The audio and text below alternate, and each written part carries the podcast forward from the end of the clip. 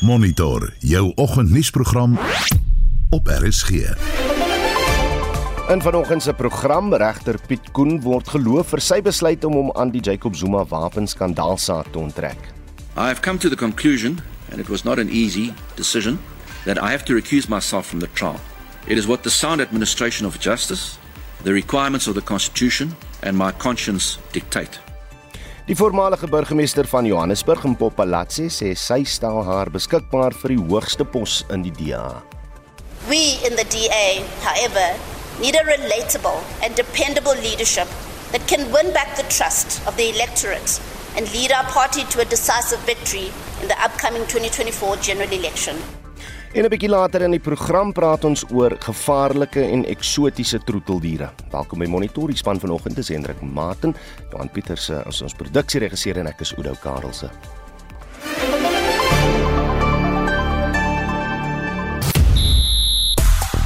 Spanne maak gereed vir die plaaslike rugby seisoen met die datums vir die Curriebeeker se premier en eerste divisies wat bekend gemaak is. Die SA Rugby se 2022 speler van die jaar word vanoggend aangekondig en die Proteas outomatiese kwalifikasie vir die eendag wêreldbeker toernooi hang van 3 wedstryde af. Ek is Shaun Schuster vir RSG Sport. In sosiale media, oud-president Jacob Zuma se korrupsieverhoor is tot 17 April uitgestel na regter Piet Koen homself van die saak verskoon het. Koen sê hy onttrek hom in belang van geregtigheid. Ja, ons praat net hierna breedvoerig daaroor, maar waaroor wil ons vanoggend gesels? Want nog 'n tier het ontsnap, die keer in Edenvale aan die Oosrand. Nou luisteraars het so 2 weke gelede met 'n misnoë en hartseer gereageer op uh, of toe die tierwyfie Shiba doodgeskiet is na sy in Walkerville suid van Johannesburg los rondgeloop het. Dit laat die vraag ontstaan hoe dit is dat mense sulke diere in hulle besit het.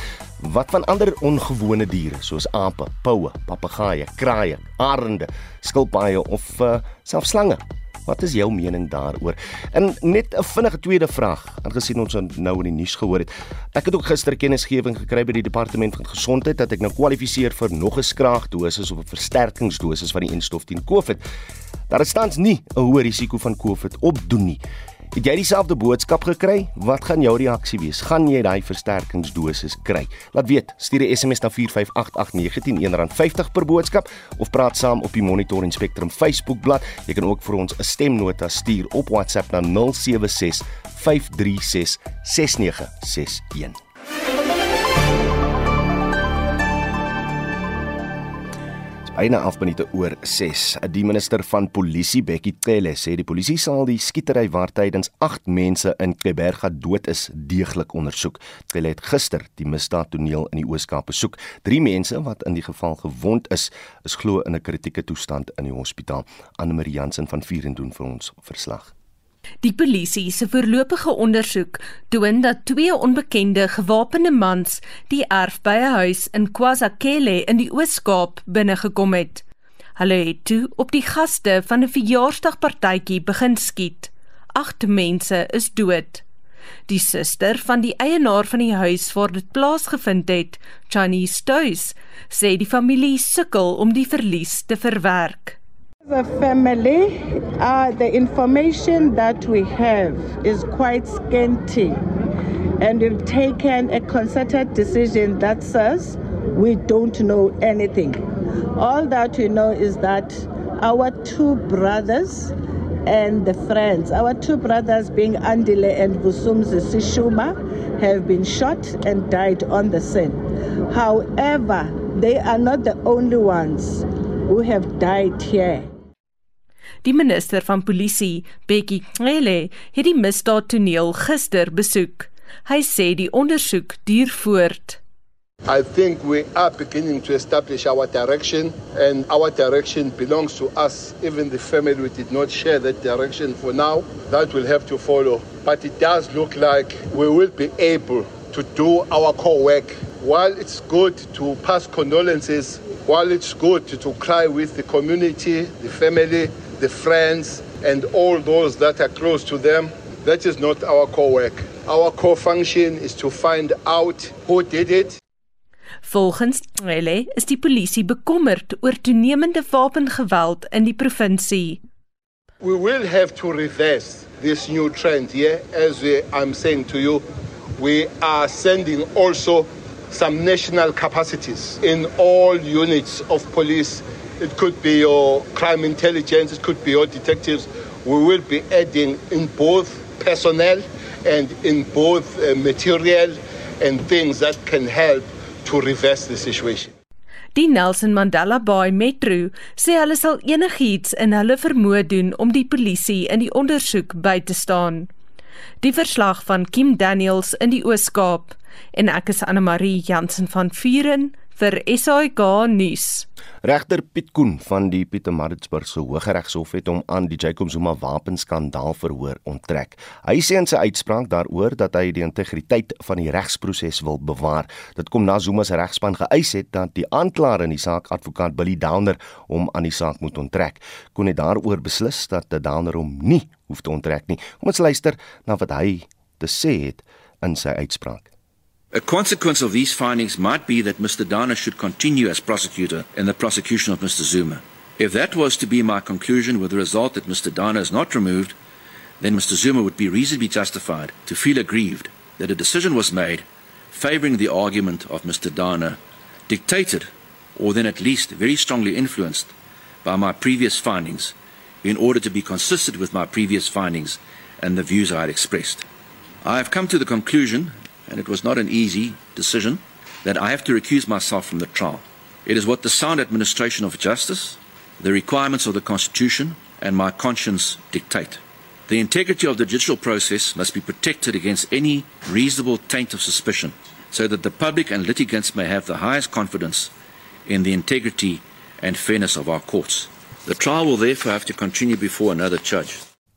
Dit is die stem daarvan regter Piet Koen. Ons praat nou verder hieroor met advokaat François Botus van die Pretoria se Bali Raad. François, goeiemôre. Goeiemôre, gaan dit goed? Nee, dit gaan goed. Uh uh kom ons begin net eers oor was dit die regte besluit wat Koen gemaak het en en hoe beïnvloed dit nou Zuma se saak? Ek het baie respek vir regter Koen se besluit en die redes vir sy uitspraak, maar ek is bevrees dat dit gaan tot meer vertragings en uitstelle aanleiding gee. Dit is sodat die integriteit van die regsproses te alle tye beskerm moet word, maar in hierdie geval dink ek het meneer Zuma sy kaarte so gespeel dat hy nog 'n uitstel bekom het en nog meer vertraging aan die verhoor meegebring het. As Koen aangebly het, sou daar nie in elk geval vertragings gewees het nie. Hoeveel vertragings was daar al gewees nie? Hmm. Regter Koen sê in sy uitspraak, elke liewe bevinding wat hy gemaak het, elke bevel wat hy gemaak het, elke aansoek wat voor hom gebring is, is op appel geneem tot so 'n mate dat die konstitusionele hof hom vry vrygewaar het van enige onbehoorlike gedrag of gedrag wat die regsproses se integriteit in in gedrang gebring het. Regter in Kosenati Tili neem nou oor by Koen. Wat was die proses om hom aan te stel? Want dit baie vinnig gekom. Regter Tili is aangestel deur die regter-president.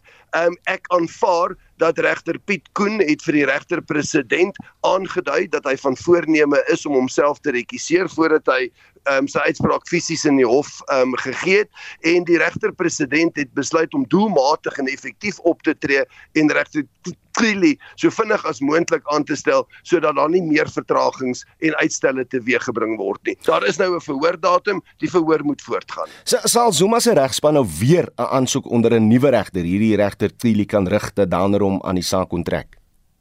Uh, meneer Zuma is met eerbied 'n uh, uitgeslaapte litigant. Ek verwag van hom enigiets. Die die die integriteit van die regsproses moet deur albei kante eerbiedig word. En die oomblik wat jy die die gevoel kry dat die regsproses word misbruik, dan is regter Koen reg waar hy sê dat die integriteit van die regsproses in die regbank word in in gedrang gebring. Regter Koen was baie duidelik geweest oor meneer Downer se betrokkeheid by die saak. Dis nie vir hom om 'n uitspraak daaroor te gee nie, maar beide partye, die staat en die beskuldigde, het reg, het 'n reg op sy keuse van regsverteenwoordiging. Fransja al hierdie verwikkelinge, hoe raak dit die staat se vervolging teen Zuma?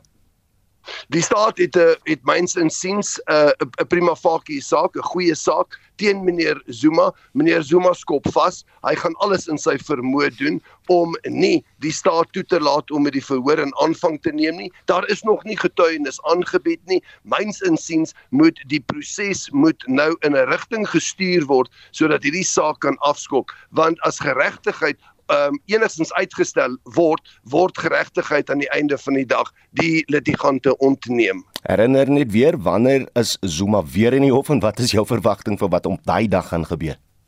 Ehm um, soos wat ek verstaan is die verrigtinge uitgestel na die 20ste April toe en ek dink op daardie dag sal die ehm um, sal die staat die klagte stel teen meneer Zuma sal meneer Zuma 'n geleentheid gebied word om sy pleit voor die hof te plaas en natuurlik dan moet die staat hulle eerste getuie roep. Geen ander verrassings nie. Ek dink op hierdie stadium is daar enige verrassings nie. Ek dink wat wel kan gebeur is dat meneer Zuma se se um, regspan sal aanvoer dat op hierdie stadium met met betrekking tot die privaat vervolging van advokaat Downer, um, moet die saak eers sy verloop neem. Met ander woorde, moet die appelhof of die konstitusionele hof eers daaroor bevind.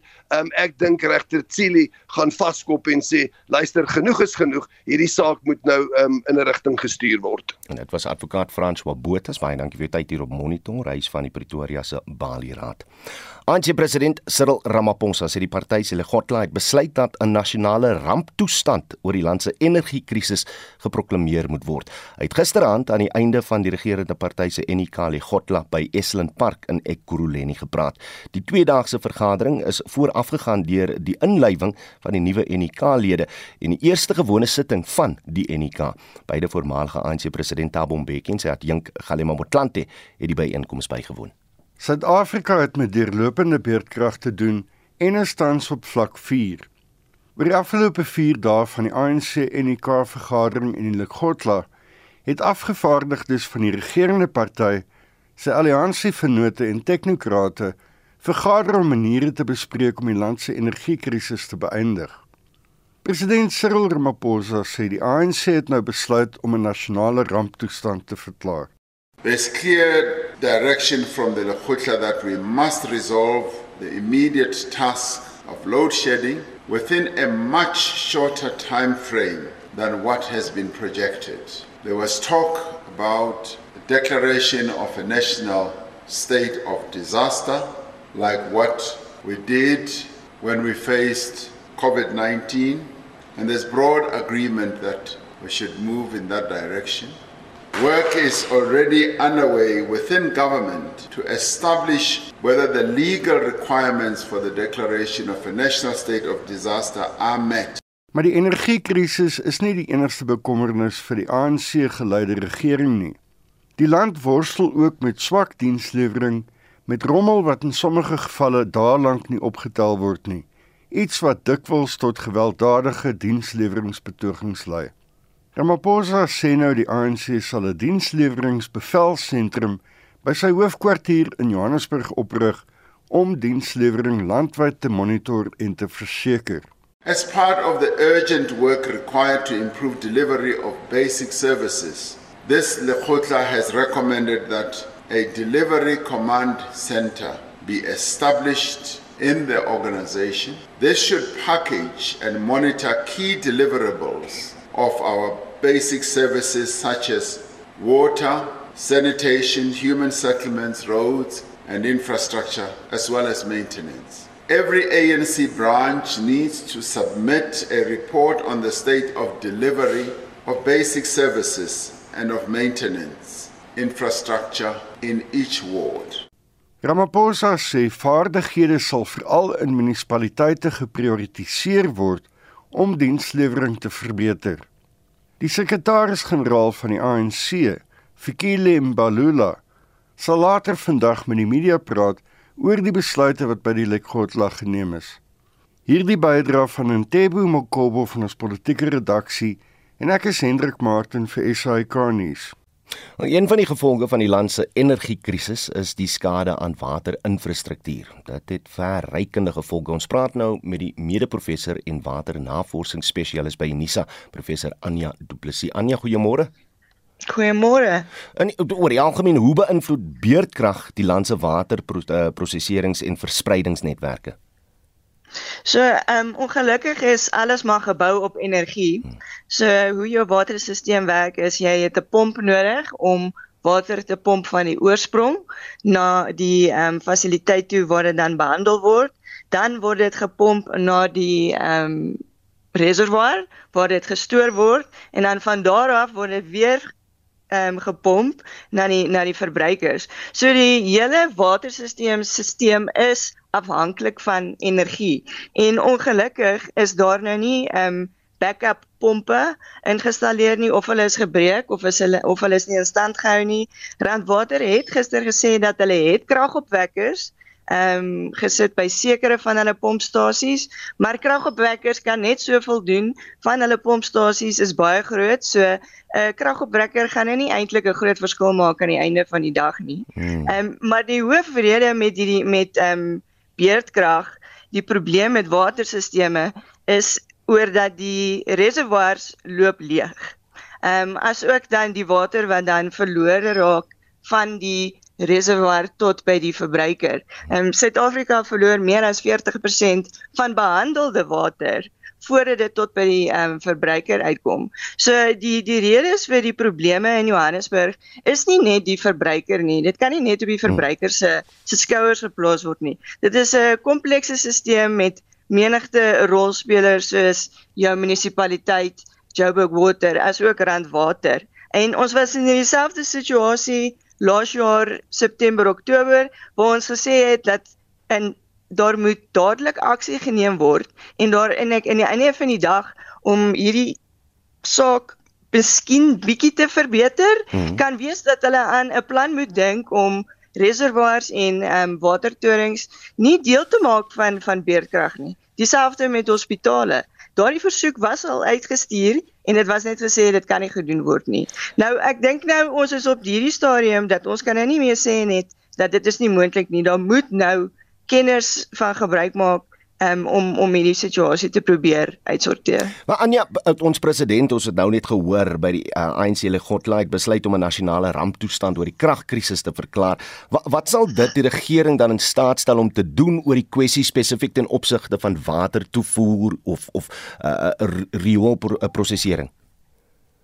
Wel as hulle die die geld ehm um, spandeer op die regte plekke, dan dan kan ons dalk 'n verbetering sien deur om waterverliese ehm um, te verminder, ehm um, miskien meer ehm um, investments te maak in jou pompstasies, ehm um, jou infrastruktuur weer reg te maak en en so aan. Maar aan die einde van die dag, as die president sê, "Oké, okay, ons ons verklaar nou 'n ramp," ek wil graag weet wat is die spesifieke aksies wat hulle gaan neem op die korttermyn, medium en langtermyn. Daar moet 'n spesifieke plan in plek wees waar hulle sê wat hoe lank dit gaan vat om hierdie deliverable te gee, hoe lank gaan dit vat om hierdie uitset te doen en so aan. Om want op hierdie stadium word daar net gepraat en dan word verskillende tydlyne gegee om te sê ons gaan nou beerdkrag oor 6 maande oplos of beerdkrag oor 24 maande. Daar is veronderstel om 'n uh, absolute gefokusde plan op die tafel te wees wat sê dit is dit is die plan en dit is hoe ons dit gaan uitvoer.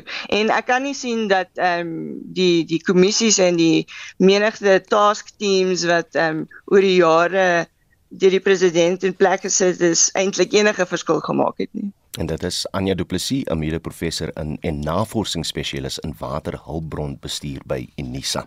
Die voormalige burgemeester van Johannesburg, Mpopalatse, het aangekondig dat sy in April vir die toppos in die Demokratiese Alliansie by die party se nasionale konferensie sal staan. Palatse wat verlede week as burgemeester ontroon is, sê lede van die party het haar genader om aan die verkiesing vir die federale leier van die DA deel te neem. Sy sê sy het nou die tyd om dit te doen. Palatse sê Suid-Afrikaners en die DA DA vertrou nie mekaar nie. Sy beskou dit as haar taak om die vertroue te herstel, sou sy die DA se volgende federale leier word. Fellow Democrats, I have decided to make myself available for the position of federal leader at the upcoming Federal Congress scheduled to take place on April the 1st and 2nd, 2023 at the Gallagher Convention Center, Midrand, here in the city of Johannesburg.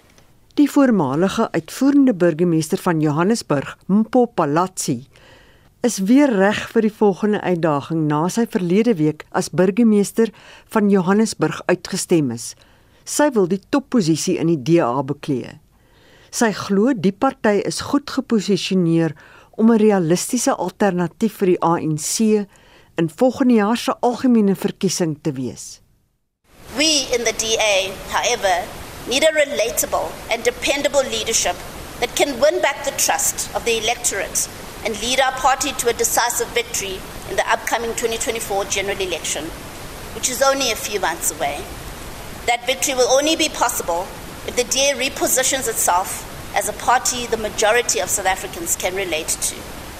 The people of South Africa need a credible political alternative through which they can exercise all of the political rights enshrined in the Bill of Rights in our Constitution of the Republic. Die DA sal moet herorganiseer om die hoop van polities ontnigterde Suid-Afrikaners te laat herleef na wat sy as byna 30 jaar van ANC wanbestuur noem. It must be relevant and be prepared to lead difficult conversations in our society, including the polarizing issues of race and land reform. The DA I believe in must stay true to its founding principles of liberalism, which includes promoting and encouraging free speech, even within its own internal structures and platforms. It must dispel the perception that there's a powerful cabal or puppet masters within the party that control and pull the strings behind the scenes. The DA I believe in must genuinely promote meritocracy and not tokenism in its selection processes. Die posisie wat Palazzi in die oog het, is die van John Steenhuisen, wat dit reeds duidelik gemaak het dat hy 'n tweede termyn as leier wil voltooi. Palazzi sê sy glo sy kan daarin slaag om die dienende leier uit te daag. This is a contest. I have to put in the work. I have just been ousted as executive mayor of Joburg and just so you know, I've been approached to consider putting my hand up for this position months back already last year. but I was still busy as mayor trying to rebuild the city. I believe that, yes, as unfortunate as events have turned out, I now have a bit of time as a PR councillor to put in the time that I need to put in to win this contest. So Palazzi dit regkry, volg sy in die spore van 'n aantal swart leiers in die DA wat die hoogste sporte bereik het. Dit sluit onder andere in die vorige hoofsweep, Lindiwe Masibuku, die vorige partyleier Musi Maimani en die nasionale woordvoerder en LP Pumzile van Dam. Die leiers het almal egter reeds die party verlaat. 'n Situasie wat skynbaar nie vir Palazzi 'n kwessie is nie. Busi Shimombe het hierdie verslag saamgestel. Mitsi van der Merwe, SAK-nuus. Jy luister na Monitor elke weekoggend tussen 6 en 7. 6:30 in die nuus. Die ANC wil 'n dienslewer 'n diensleweringsentrum by sy hoofkantoor in Johannesburg vestig. COVID-versterkingsdosisse is weer beskikbaar en 'n sesde polisiebeampte geskort in verband met die dood van Ty Nichols in Amerika. Bly ingeskakel.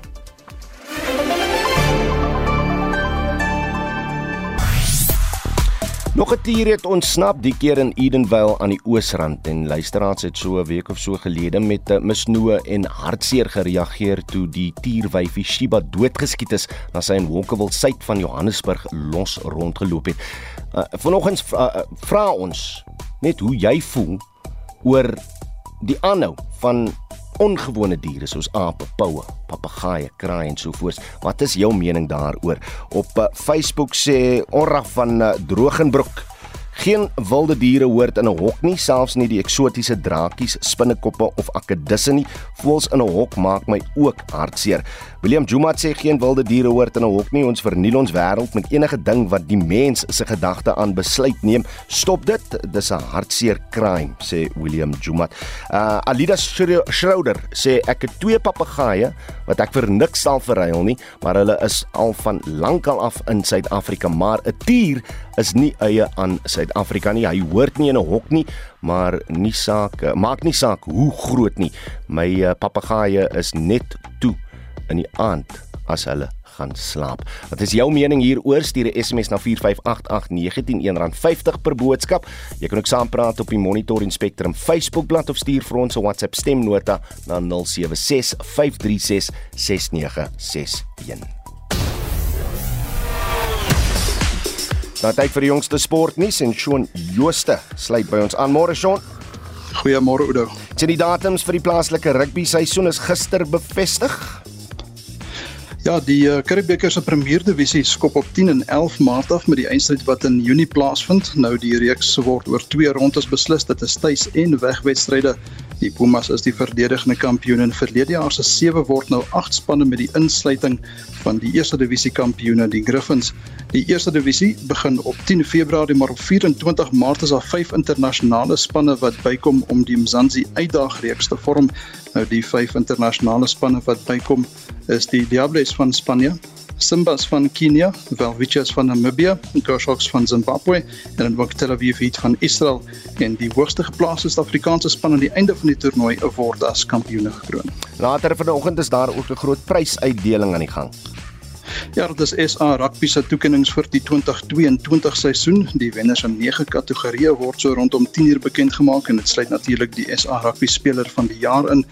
Uh, die vyf boksspelers wat genomineer is vir die toekenning is Lucanio Am, Kurtley Arendse, Eben Etzebeth, Sia Kulisi en ook Frans Malherbe. Ek weet jy's liever 'n punte leer en 'n punte lys. Uh, en een wat baie belangrik is, is die een waar uh, Suid-Afrika nou 3 wedstryde oor het. Uh, dis nou die Proteas om outomaties te kwalifiseer vir die eendag wêreldbeker later vanjaar. Ja, die Proteas is 9de op die ICR se Superliga punte leer op 79 punte. Die Windies is 8ste op 88, Sri Lanka 10de op 77. Nou slegs top 8 kan outomaties kwalifiseer, so dit is baie duidelik vir die Suid-Afrikaners wen die oor 3 blywende wedstryde. Dit is Morrison teen Engeland daar in Kimberley en dan ook 2 teen Nederland wat nog voorlê. Indien Suid-Afrika struikel, sal dit afhang van wat in die reeks tussen Sri Lanka en Nieu-Seeland gebeur. Slegs een van die drie spanne kan deur kan outomaties kwalifiseer en vir die ander twee is daar natuurlik 'n uitspeltoernooi wat in Zimbabwe voorlê. Dan het jy ook nog so 'n bietjie tennis en sokker in jou sport sakkie vanoggend.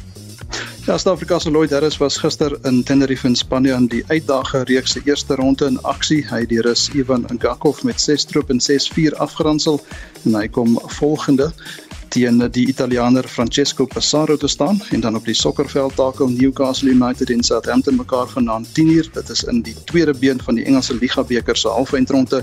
Newcastle is 1-0 voor na die eerste been. En dit was ons Shaun Jooste. Wyd verspreide reën en koeler weer word die week oor groote groot liewer dele van die land voorspel. Ons praat met die woor weer voorspeller Dion van der Merwe. Dion, goeiemôre. Goeiemôre. Beteken dit dat die hitte oor groot dele van die land nou verby is? Ja, baie beslis. Uh as ek so vinnig loer na die 7 dae uh temperatuurvoorspellings dan plekke soos Johannesburg hier by die 25 grade rond vir die volgende 7 dae en dan Bloemfontein ehm um, wat gewoonlik 'n bietjie warmer is, hulle hulle raak maar so by die 30, so daar's definitief koeler toestande. Is daar nou 'n ander weerpatroon wat die wat die reën bring? Ja, beslis. Ehm um, wat ons nou het is 'n kombinasie van bolig uh trogstelsels wat uh, met die noordweste bring winde band bring dit nou tropiese lug van Botswana se kant af oor die uh, sentrale en noordelike dele van die land.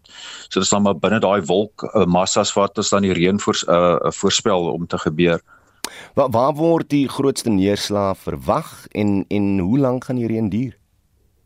Ehm um, man ons redelik baie reën vir die volgende uh 6 dae. Ehm um, en die areas wat meestal geaffekteer gaan word is is Limpopo en die Laagveld, meer die suidelike dele van Limpopo en dan so 'n stukkie van ehm um, van Gauteng lyk ook asof daar redelike uh, reën mag voorkom maar op hierdie stadium dui die modelle aan dat ons so in oor 'n 7 dae periode so hier by die 100 mm reën in die Laagveldgebied kan kry op plekke jy weet so dis redelike goeie reën. En, dan gaan daar seker ook koeler dae voorlê of hoe Ja, absoluut. Ja, met al die wolke gaan ons uh, nie daai tipiese bo 30 grade hitte kry wat ons met daai hoëdrukstelsels gehad het wat ons so 2 weke gelede ervaar het nie. As hy die weer voorspeller Dion van der Mest. Daar is weer eens versoeke van verskeie organisasies, 'n kleinskaal boere en politieke partye dat geen belasting op toegevoegde waarde op hoendervoer en soortgelyke produkte gehef word nie. Die argument is dat pluimvee die belangrikste bron van proteïene vir miljoene huishoudings in Suid-Afrika is. Mitsie van der Merwe doen verslag. Die hoenderprodusent Astral het die voorstel reeds vroeër gemaak en sê dat die standpunt nog geld. Maar 'n belastingkundige by INS Africa, Charles de Wet, sê die kwessie word baie keer verwar. In die praktyk het belasting op toegevoegde waarde min uitwerking op groter boere.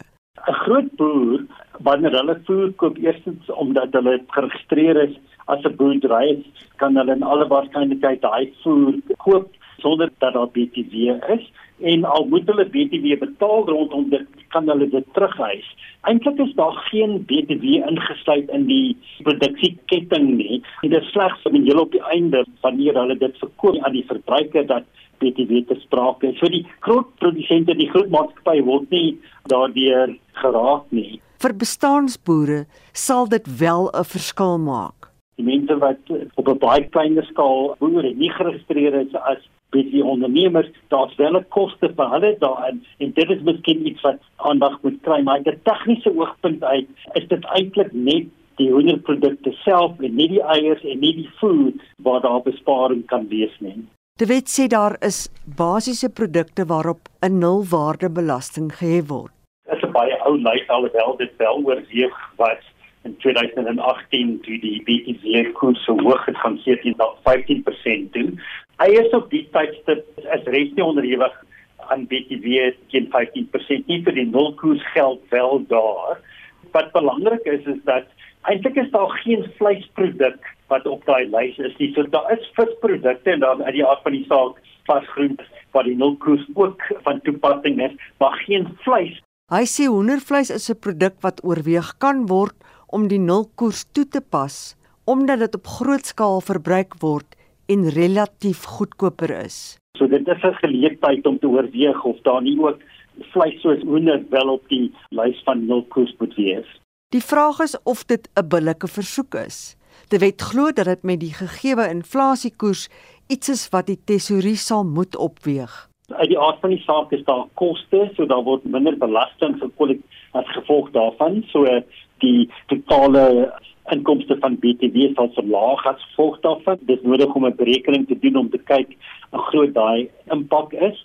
Die tweede deel daarvan is eintlik om 'n beskrywing te hê presies watter produkte dit is wat die nulkoers kan geld. Nou 'n deel van daai oorweging is dit nodig om te dink oor die hoe dit wat ingevoer word en die tariewe en spesifiek hoe dit aangeraak word. Die uitvoerende raadslid van die Vereniging vir Vleisinvoere en Uitvoere, Amy Grant Hendricks, sê hoender is die kos wat die mense wat min verdien eet.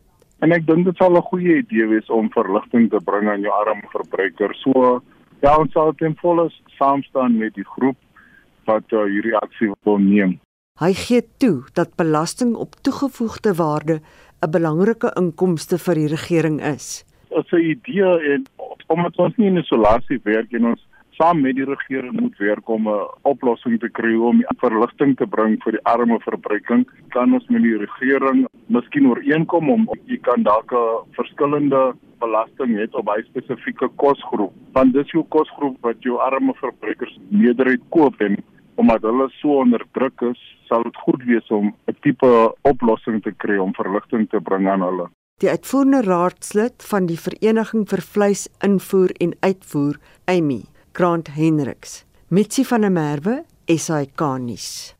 Kom ons kry nou meer besonderhede oor vandag se brandpunt vraag. Die dierebeskermingsvereniging ondersoek nog 'n voorval van 'n tier wat los rondloop. Die tier wat in Edenvale aan die Oosrand opgemerk is, is 'n 9 maande oue wyfie. Die publiek is gemaan om nie die tier of die dier liewer te konfronteer nie en om hul troeteldiere veilig te hou. Ons praat nou met 'n direkteur van die organisasie Ban Animal Trading, Dr. Smaragda Lou. Smaragda, goeiemôre. Goeiemôre. Wat het julle nou geleer van die dier wat rondloop in in Edenvale? Weet jy, ek dink soos meeste van almal daar buite is ons ook maar 'n bietjie in die duister. Dit lyk vir my daar's 'n probleem met egos want niemand wil sê waar die dier is nie of sy gevang is en of sy nie gevang is nie. So ehm um, jy weet op hierdie stadium is ons maar weet niemand nie. Sê my, wat het jy tans in Suid-Afrika nodig om 'n dier soos 'n tier as troeteldier aan te hou? In meeste van die provinsies soos byvoorbeeld Gauteng, Limpopo en Noordwes en so aan het jy glad niks nodig. Ehm um, ons werk nog met ehm um, die Transvaalse ordonnansie van 1960. 1962, né? 1962 daar sê. En tiere word nie daar genoem nie want op daai stadium was dit nie 'n probleem nie. So op hierdie stadium as jy 'n tier wil hê in enige van hierdie provinsies, kan jy maar net 'n tier kry. Hoekom dan die verskil? Ek jammer om jou in die rede te val. Hoekom dan die verskil tussen sekere provinsies en ander in Suid-Afrika waar waar daar wel seker ver, vereistes is? Weet jy, ek dink van die sentrale regering af en dit is 'n groot probleem. Is die ehm um, administrasie afgewentel na die provinsies toe. Die administrasie van natuurbewaring is afgewentel na die provinsies toe. So elke provinsie kan basies maak wat hulle wil. En dit is waar die groot probleem inkom. Ehm um, jy weet so dis hoekom in Gauteng dis regtig waar jy weet ons bly in 'n groot dieretuin ek het my. Die departement van bosbou, visserry en omgewing moet moet wel die aanhou die teel en besit van van hierdie soort diere bestuur. Wil jy vir my sê in in sekere provinsies as daar is daar so soos uh, Gauteng is daar glad nie enige bestuur nie geen bestuur van enige aard nie. En dit is hoekom ons nie weet hoeveel tiere daar in Suid-Afrika aangehou word, geteel word en so aan nie, want daar is geen oorsig nie. Jy het geen permit nodig nie. Jy kan regtig maak net soos wat jy wil. Ek het nou ook geleer dat een van die redes dat Shiba die tier gedood is of of of doodgeskiet is is omdat slegs 'n veearts 'n verdowingsmiddel op 'n dier mag toedien. Hoekom is dit so belangrik?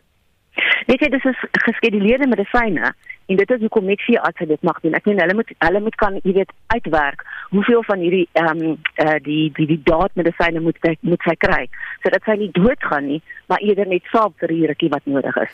So dit is 'n baie gekompliseerde proses en daarom kan nie enige iemand dit doen nie. So julle naam is Ban Animal Trading. Ek dink julle julle doel is voor die hand liggend, maar verduidelik net hoe julle nou te werke gaan in Suid-Afrika om beheer te kry of of heeltemal uh stop te sit aan aan die die die die animal trading soos soos wat in jou naam is. Ja, ons probeer wat ons gedoen het in die verlede en wat ons nog steeds doen, is ons monitor die internasionale um handel in enige in, in diere, maar meestal wilde diere, um nie regtig um plaasdiere nie, maar ons kyk na wilde diere. Hmm. En wanneer ons na die dierbedryf kyk op hierdie stadium in Suid-Afrika, gaan dit nie net oor mense wat diere in hulle um in hulle agterplase aanhou nie. Dit gaan net daaroor dat diere in op groot skaal in Suid-Afrika geteel word om uitgevoer te word na dieretuine toe in in China, in Bangladesh, in verskriklike plekke wat regtig net nie, jy weet, dit is nie waar 'n dier hoort nie. Ons sê wat die diere nie hier, hier hoort nie. Maar alwaaroor hierdie gaan, dit dit gaan oor geld, dit gaan oor egos en die diere word tussen in hierdie hele ding word hulle behoeftes nie um voorsien nie. Dink jy daar was nou genoegsame voorvalle dat dat die regering nou begin kyk na hierdie ordonnansie van 1962 en en begin dink aan hoe ons hom moet wysig? Ja, ek dink wat sal gebeur is omdat dit is Gauteng se, né? Hmm. Uh die, die ordonnansie van 1962 en Gauteng sal nou moet begin kyk daarna. Ongelukkig gaan die ander provinsies presies dieselfde moet doen. Hulle sal ook na hulle um uh lisensiering en so aan moet kyk. En dit is miskien beter om dan liewers 'n nasionale wet te maak en te sê geen wilde diere mag in aanhouding in Suid-Afrika wees nie. Geen eksotiese diere nie, maar onthou dan dit sluit in hmm. voëls, ape, um reptiele en so aan. En ons is heeltemal gekant daarteen um dat hierdie diere aangehou word want ons niemand kan ooit voorsien aan hulle behoeftes soos wat die natuur daaraan kan voorsien. Maar dit gaan verrekende gevolge hê. Dit gaan in die hof beland en dan gaan 'n groot hofsaak seker hier uitsprei of hoe? Ja, ek kan myself voorstel want jy weet daar's baie mense wat in Engels noem ons hulle die hobby's. Hmm. Maar hulle gee hulle self voor as bewaringsmense. Jy weet so hulle teel sê net maar met die tiere of hulle teel met skaars reptiele want hulle doen dit kwan vir bewaring wat absoluut nonsens is want al wat hier hierdie diere het geen bewarings aan waarde nie. Hulle kan nie terug gaan natuur toe nie. Um dit gaan meer net oor ego en geld. Dit was Dr. Smaragda Lou, sy is die direkteur van Ban Animal Trading. 'n Nie-regeringsorganisasie aan die tuinroete in die Wes-Kaap het 'n nuwe produk ontwikkel wat gesinne wat finansiëel sukkel sal help om voedsame kos op die tafel te sit. Hulle noem dit die food sock of koskous en dit gaan 'n gesin van 4 vir R30 per dag voed. Tanya Kraus het meer besonderhede. Vir byna 3 jaar sorg die Garden Route Food Pantry vir die armste van die armes en elke dag is daar meer mense wat hulp verlang. Selfs die sogenaamde middelklas sukkel na dese om gesonde maaltye te bekostig. Die uitvoerende hoof en stigter van die organisasie, Karl van Blerk, sê hulle het toe met 'n unieke oplossing vorendag gekom. We found a need to develop a product that is affordable, that is easy to prepare and that is nutritionally sound. And from that point of view we then developed the food sock. And the nice thing about the food sock is that it's a variety of meals. At the moment, we've got six different meal flavors, ranging from tomato breedies and biryani and mutton curry and stews, right up to soups. Each of them able to feed four people. Dit is deur topchefs en ander vennote ontwikkel. Die bekende plaaslike chef, Francois Ferreira, verduidelik. Ons het nou net al die disse deur die toetsproses gesit. So ons het hier en daar moet daar getweek word, maar die sok is regtig 'n maal in een vir 2 tot 3 mense. Miskien as jy 'n bietjie ekstra groente en goed bysit, 4 tot 6. Die voordeel van die koskous is tweeledig: om 'n inkomste te genereer en daardie inkomste te gebruik om meer gratis etes te verskaf. Lauria Skuman, wat 'n sopkombuis in Blanco bestuur, sê hulle voed byna 700 kinders per week met die produkte wat hulle van die food pantry ontvang. Sy sê die koskous sal selfs verder gaan om huishoudings te help.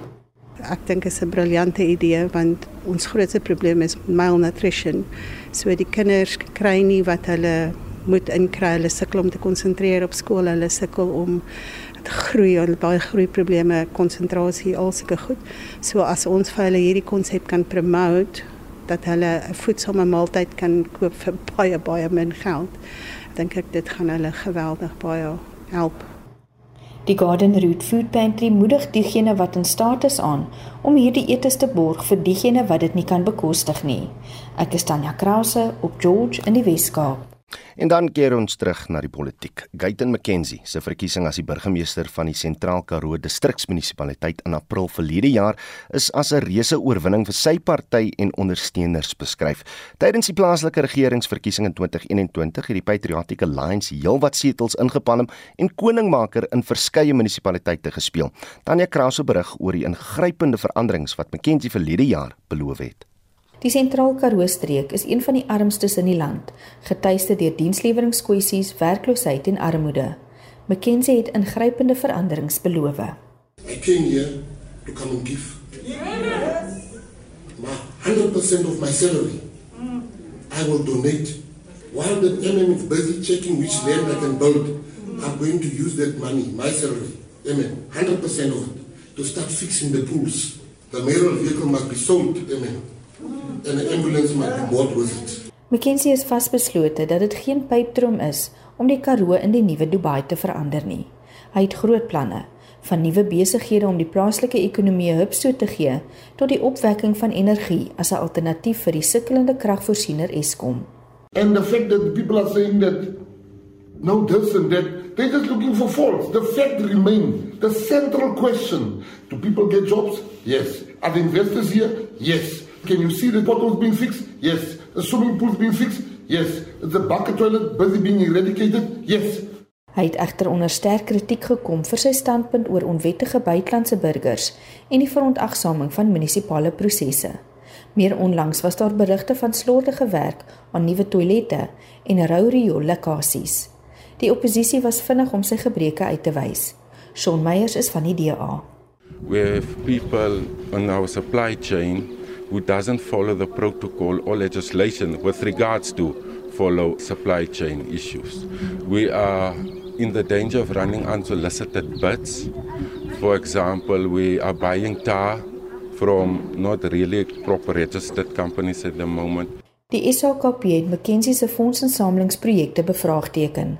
Mawonga Foreman sê miljoene het glo in trustrekeninge van McKinsey se prokureurs ingegaan en nie munisipale bankrekeninge nie. Section 12 of the Municipal Finance Management Act regulations states clearly that no political office bearer has the authority to go and raise funds and even raise and even open a trust account on those funds that were raised. And the other thing is the municipality should have a primary bank account where the money should be deposited but not in a separate bank account. So the question is what happened in that process? Is the money raised for the municipalities? Verskeie nuwe besighede wat in Beaufort Wes geopen is, het sedertdien ook gesluit. Die SAIK het die voormalige eienaars gekontak, maar hulle weier om kommentaar te lewer. McKenzie sê sy teenstanders wil hom sien misluk. Hy het onlangs die bou van 'n logistieke hawe van byna 5 miljard rand in Beaufort Wes aangekondig om werk vir plaaslike inwoners te skep. It involves cars, it involves trucks, it involves planes. We part of the plane, there's going to be an airstrip. So you know the mines in the Northern Cape, the mines in Northwest. No need to get this stuff now from the harbors. They can bring it to the dry port. En ten spyte van teenstand teen hidrobreking, steun hy gas eksplorasie in die Karoo ten volle. We're going to frack. We're going to extract the gas. We are going to have uranium mining. We're not going to have all that nonsense they said we couldn't do. Where the Greens come to us and say you can't do this, but they're sleeping with foot in this stomach while we are the ones getting the problems of people. So we are going to do fracking. We are going to do uranium mining. We are going to produce and sell energy in the Central Karoo. McKenzie se bewind was nie sonder omstredenheid nie. Hy het aangesluit by nog 'n omstrede figuur in die Sentraal Karoo, die voormalige burgemeester van Beaufort Wes, Truman Prins. Prins is uit die ANC geskort voordat hy die onafhanklike burgerlike organisasie van Suid-Afrika, of ICOSA gestig het. Hy is nou die provinsiale voorsitter van die PA. McKenzie het ook 'n politieke alliansie gevorm met die leier van die Karoo Democratic Force, Noel Constable, wat tans tereg staan op aanklagte van bedrog en korrupsie. Die vraag bly staan of McKenzie sy beloftes aan die mense van die Sentraal Karoo sal nakom voordat hy sy pos in April verlaat. Ek is Tanya Krause op George in die Weskaap. In sosiale media, groot dele van die stad word deur die wateronderbrekings geraak. Johannesburg Water sê die pompstelsel by Eikenhof is deur City Power herstel na 'n kragonderbreking en werk nou weer teen volle kapasiteit. Johannesburg Water sê egter, dit sal 'n geruime tyd duur voor die reservoirs weer opvul. Ek is Bianca Olifant met die verkeersnuus en sosiale media op RSG. Waaroor gesels ons vanoggend want eerstens eh, nog 'n dier het ontsnap die keer in Edenvale aan die Oosrand. Luisteraars het so 2 weke gelede met misnoë en hartseer gereageer toe die tierwyfie Shiba doodgeskiet is na sy in Walkerville suid van Johannesburg ro los rondgeloop het. Dit laat die vraag ontstaan hoe dit is dat mense sulke diere in hulle besit het, wat van ander ongewone diere Frans vanoggend soos ape, poue, papegaaie, kraaie, arende, skilpaaie of slange. Wat is jou mening daaroor? Hoe voel jy oor die aanhou van eksotiese diere?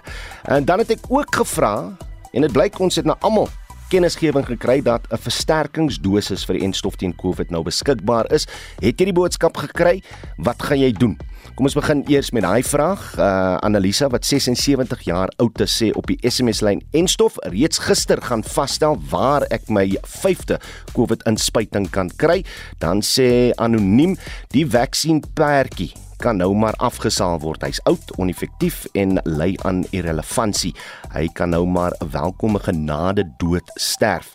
Uh, ons is net so moeg soos daai perd vir hierdie platoniese vaksien fabel beweeg aan. Dis wat anoniem sê. Hoe voel jy daaroor?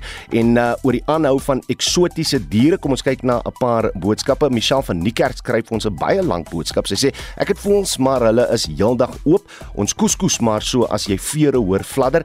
Ek ken 'n vrou wat wolwe aanhou, maar sy het al haar navorsing gedoen en nog steeds eers lank gedink voor sy hulle gekry het. Dan sê sy ook ek voel as dit in jou mag is en jou diere is versorg en goed opgevoed, dan miskien ja, maar ek is persoonlik eh, of ek persoonlik self sal nie sulke eksotiese diere aanhou nie al kon ek. Selfs my voels, sê sy, vry soos hulle is, is nie normaal nie en ek is soms jammer vir hulle. So sê Michelle van Niekerk. Wat is jou mening? Stuur vir ons 'n SMS na 4588919 R1.50 per boodskap. Jy kan ook lekker saamgesels op die Monitor en Spectrum Facebook bladsy en julle WhatsApp stemnotas deur na 0765366961. En dit was Monitor met ons uitvoerende regisseur Nicoline de Wee, ons redakteur vanoggend uh, en welkom terug in 2023, Hendrik Maten.